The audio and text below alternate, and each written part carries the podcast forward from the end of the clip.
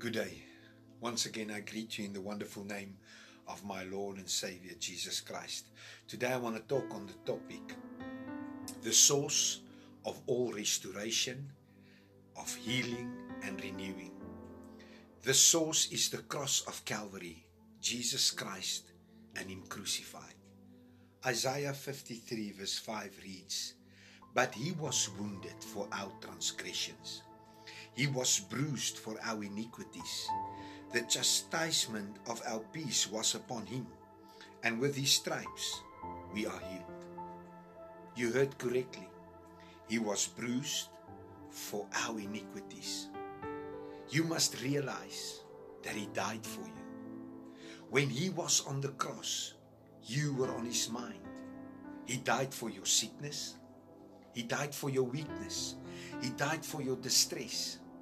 On the cross of Calvary, He carried your sorrow and pain. Isaiah 53, verse 4 reads, Surely He hath borne our griefs and carried our sorrows, yet we did esteem Him stricken, smitten of God, and afflicted. It does not matter what your needs or problems might be. It's all nailed on Calvary's tree. It's covered by the blood of the Lamb. All you need to do is believe that it's nailed to the cross. Whatever your need, whatever your problem, whether it's sin, whether it's the old man, whether it's your past, maybe it might be the evil, maybe it's a weakness in your life, maybe it's sorrow, maybe it's pain, maybe it might be sickness or a specific need. Believe that you have been set free through Jesus on the cross of Calvary. My question today to you is can you believe? Can you put your trust in Him? Can you give Him the opportunity in your life? I want to make the following statement We cannot have any hope for the future if we have not dealt with the problems of the past.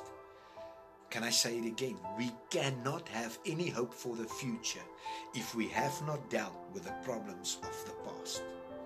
You see, we must first of all realize that the answers for my past is found in the cross. The answers for this moment in time is on the cross. The answer for what is to come starts at the cross. The past, the present, and the future are keywords and forms part of our daily living. And therefore, it is important that the cross of Jesus Christ gives hope and answer for the past, for the present, and for the future. Amen. The Word of God exclaims that He is the same yesterday, today, and forevermore. The offer of the cross is available in life's journey for every soul. And the shadow of the cross covers all of the earth. Whether you accept it or reject it, it's your choice. Hope for the past implies that all that is haunting me, all that is holding me back, all that is binding me are washed away. Every single person in life is in need of forgiveness of what was. At the cross, there is hope, despite of what I have done or how I have lived. In the cross, there is a cleansing power through the blood of the Lamb. Hope for the present. In this cross is hope for acceptance. Hope for what I'm currently facing. Hope for what I'm currently going through hope for what I am in need of. Christ is the answer to all my longing. He is the answer to all my need. There's hope for the future. In this cross, there is hope for tomorrow. There is hope for eternal life. In the cross is the power of the price that was paid. In the cross is the proof of what was prophesied and the cross directs us to the future. Because he that died, and he that rose again, and he that has ascended into heaven is the one that is coming back. In the cross is hope for past, present, and future. As answer for the past, forgiveness.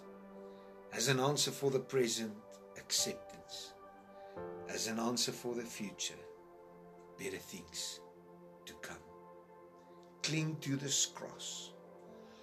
Hold on to the cross and understand today that the cross of Calvary is the source for restoration, for your healing, and for renewing. May God bless you. In Jesus' name, amen.